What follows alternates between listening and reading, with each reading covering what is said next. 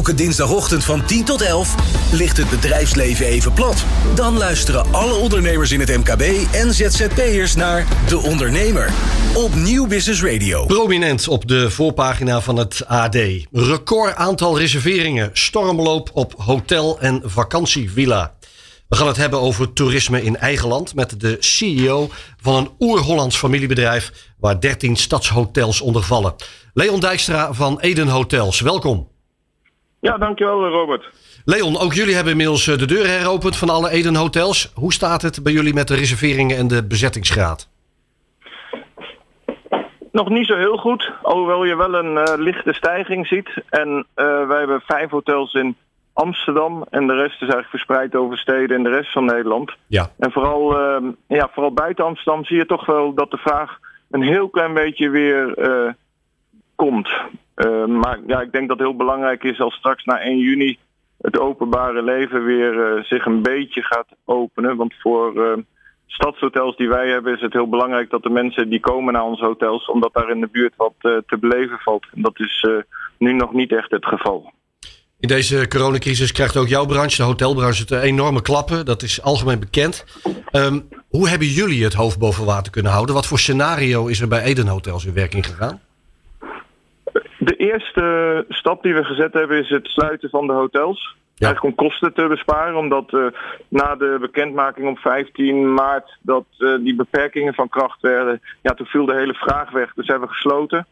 Um, al redelijk snel kwamen toen uh, natuurlijk die overheidsmaatregelen. Dus toen zijn we per 1 mei als een van de eerste hotelgroepen weer met onze hotels open gegaan. En ja, zoveel mogelijk um, natuurlijk gekeken hoe we kosten kunnen besparen. Die voor een deel gedekt werden door uh, en worden door die nauwregeling. Ja. En voor de rest uh, creatief met omzet en kosten omgaan. Dus wat we gedaan hebben is nog onze um, restaurants nog gesloten houden. En uh, samenwerking gezocht met uh, lokale restaurateurs. Om daar ook eigenlijk bezorgmaaltijden en hotels te laten brengen.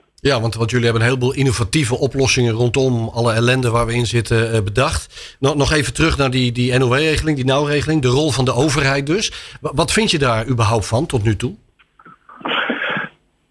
Ik, ik, ben wel onder de indruk van uh, alle moeilijkheden die er zijn, maar toch ook wel de snelheid waar ze mee uh, geschakeld hebben, dat er toch heel snel uh, geld beschikbaar was om uh, die personeelslasten voor een groot deel te dragen. Ja.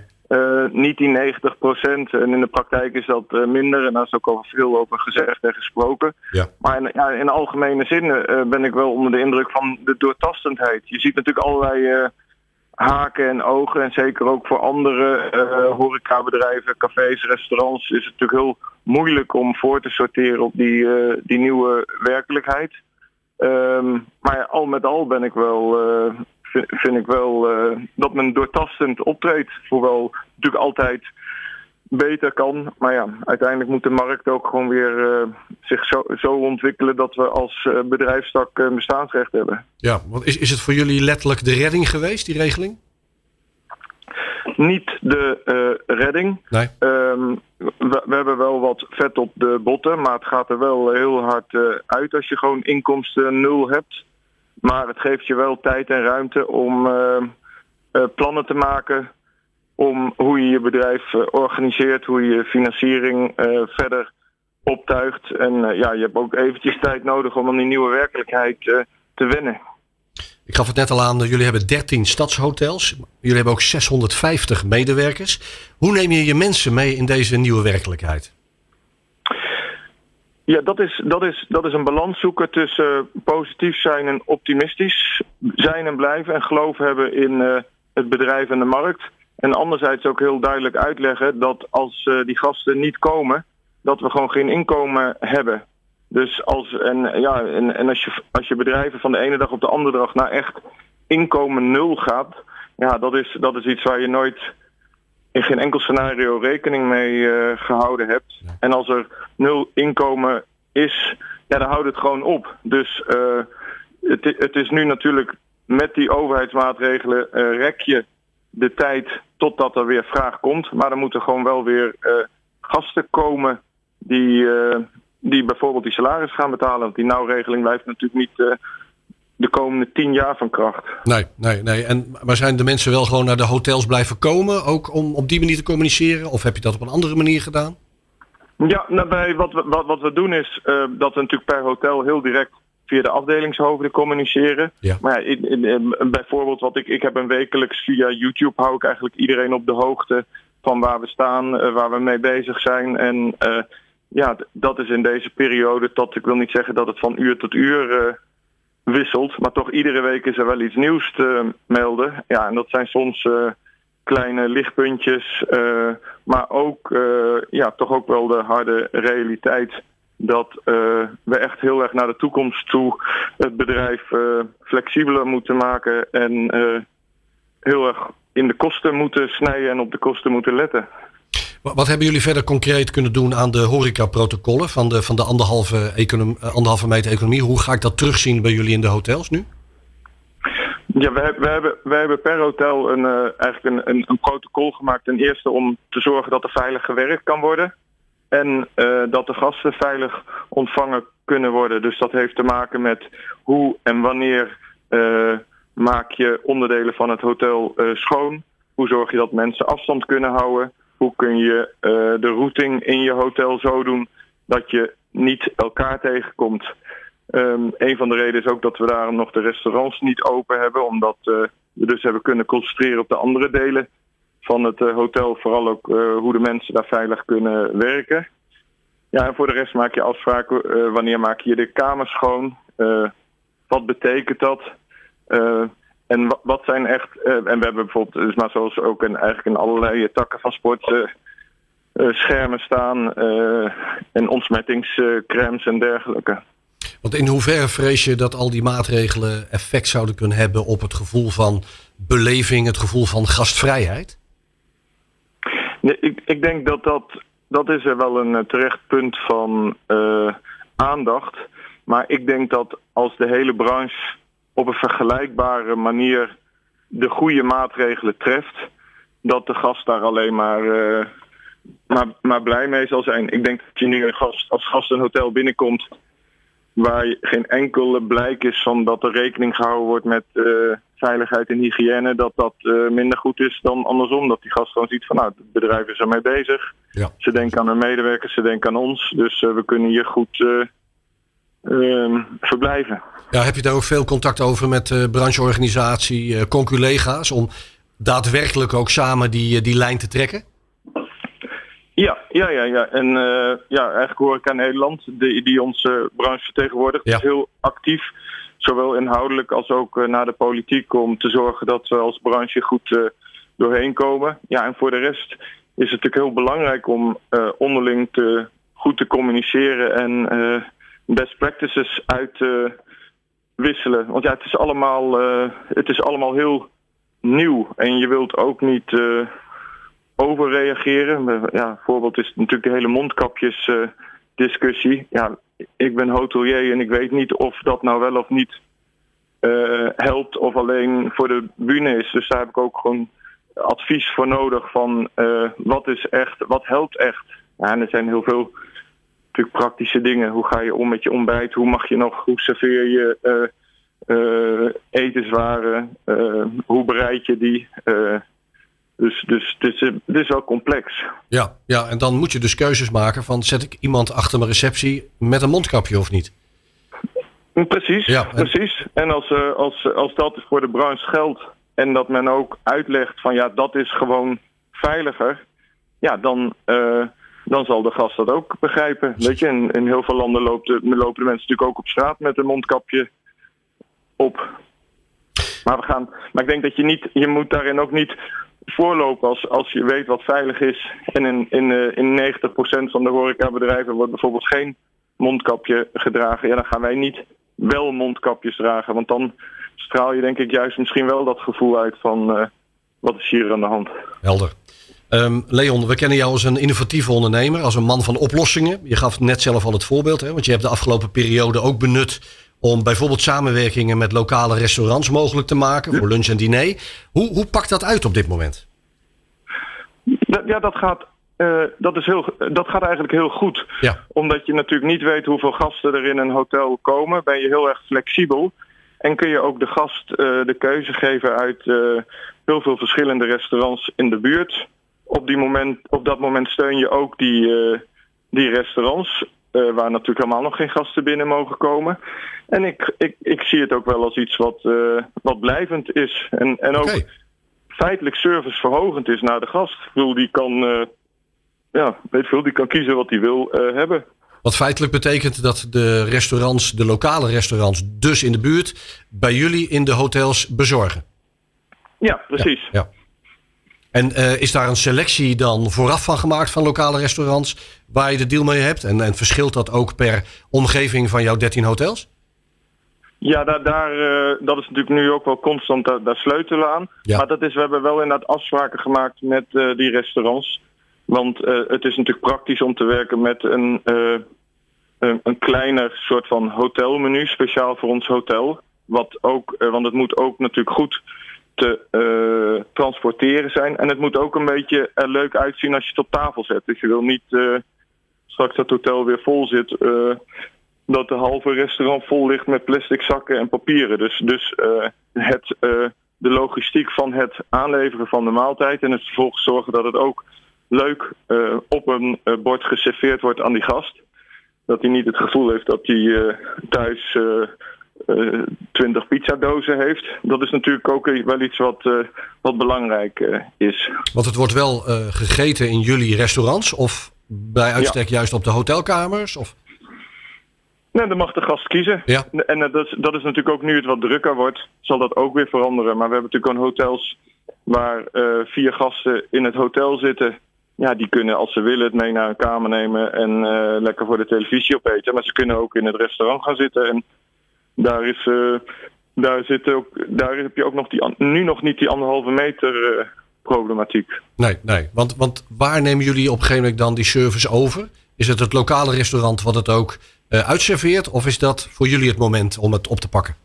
Nee, dat is voor ons het moment. Oké. Okay, dus ja. de gerechten worden afgeleverd en dan gaan wij zorgen dat het uh, goed bij de gast uh, komt. En die is daar heel, heel tevreden mee. En het, het, is, het is wel iets wat nu ook dat wisselt natuurlijk. Daar leer je, dat hebben we nog nooit gedaan. Dus het wisselt van dag tot dag. Proberen we dat te verfijnen en te verbeteren. En ja, het belangrijkste voor ons is dat uh, natuurlijk doordat je flexibel wil werken, dat je eigenlijk uh, de, de service en de kwaliteit van je product wilt verbeteren. Dus dat is een beetje misschien een soort nadeel of voordeel van deze nadelige uh, zware tijd.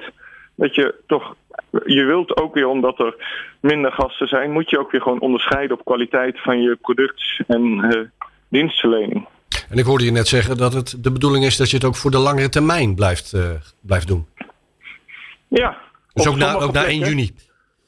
Op, op, voor sommige plekken is denk ja. ik als dat toe. Uh, we hebben natuurlijk in een aantal hotels hebben we onze eigen restaurants. Waar we al jarenlang natuurlijk gewoon eten serveren. Maar we hebben ook een aantal hotels zonder restaurants. En ehm, ja, ze daar ook gewoon die dienst kunnen leveren van, nou ja, weet u, u hoeft niet de stad in. Of, of kunt gewoon hier vanuit deze kaarten deze gerechten bestellen. Ja, de gast kan daar, keuze, dit kan daarvoor kiezen. Of hij kan zeggen van nee, ik ga lekker uh, om de hoek wat eten. Dus het is gewoon, je, je breidt eigenlijk het keuzepalet voor je gast uit. Omdat, uh, ja, en dus dan, als het goed is, wordt hij daar alleen maar gelukkiger van. helder, helder Leon. ik, ik noemde net uh, het artikel op de voorpagina van het AD vandaag. De stormlopen op de hotels en de vakantievilla's in eigen land. Dat moet bij jullie nu nog echt gaan komen. Maar verwacht je toch ook wel dat de Nederlandse reiziger, consument ook daadwerkelijk in eigen land meer de vakantie gaat, gaat doorbrengen? Ja, dat, dat denk ik zeker. Ik denk dat je natuurlijk um, dat in elk geval de Nederlander meer in eigen land uh, op vakantie zal gaan. De, weet veel, de intercontinentale gast die zal nog uh, natuurlijk niet komen. Um, Europa zal weer een beetje open gaan. Dus Nederlanders zullen mondjesmaat wellicht ook weer de grens overgaan als het kan en mag. En vice versa zal dat mogelijk ook het geval zijn. Maar ik denk dat het gros waar we ons op zullen richten deze zomer is de Nederlandse gast.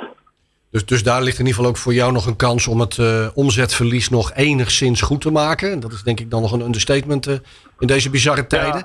Ja. Wat betekent ja, dat voor jouw marketingcommunicatie uh, vervolgens? Om die consument enthousiast te krijgen om juist weer bij jullie naar binnen te stappen en te overnachten? Nou, dat is, wel, dat, is wel, dat is ook wel weer heel interessant eigenlijk. Daar in de goede tijden dat je bij wijze van spreken je, je hotel kon openzetten en dat gasten kwamen. En dat marketing heel erg gericht was op de verfijning van alles waar je mee bezig bent. Ben je nu weer heel erg echt weer terug naar de basis om te kijken van welke uh, markten ga je op welke momenten met welk uh, product bedienen. Dus het vraagt weer heel veel creativiteit in het bedenken van uh, arrangementen voor de Nederlandse gast.